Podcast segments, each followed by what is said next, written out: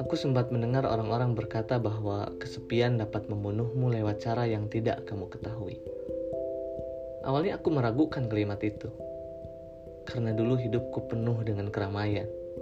Aku bahagia karena keluarga aku menyayangiku, teman-temanku peduli pada aku dan pasangan selalu ada untukku.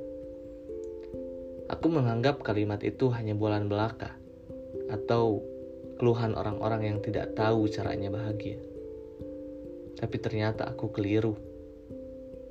Kini kesepian kerap menyelimuti hidupku.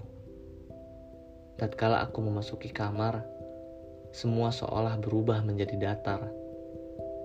Hidup rasanya seperti satu bongkahan batu yang tidak berarti. Semuanya terasa gelap. Hari demi hari aku mencoba menyingkirkan perasaan itu tapi tidak berhasil. Bahkan aku sempat mengemis perhatian semua orang agar tidak merasa sendirian. Tapi, lagi-lagi keadaanku tidak pernah berubah.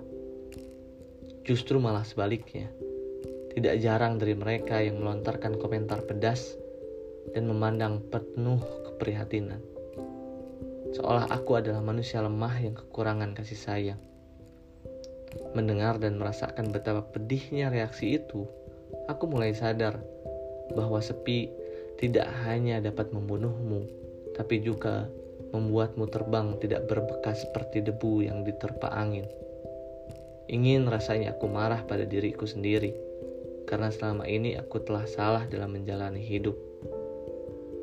Aku terlalu menggantungkan kebahagiaanku di benak orang lain, sehingga aku tidak siap untuk kehilangan orang-orang yang aku sayangi.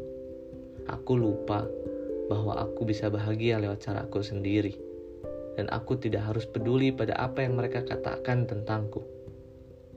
Aku bisa bahagia saat aku sendirian, karena sendirian tidak semenakutkan yang orang bilang. Kesepian memang dapat membunuhku, tapi aku bisa menjadikan kesepian sebagai teman paling berharga dalam hidupku.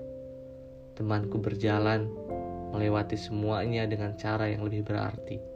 Bersama kesepian, Aku bisa menangis dan tertawa di waktu yang sama. Bersama kesepian, aku tidak perlu merasa sepi.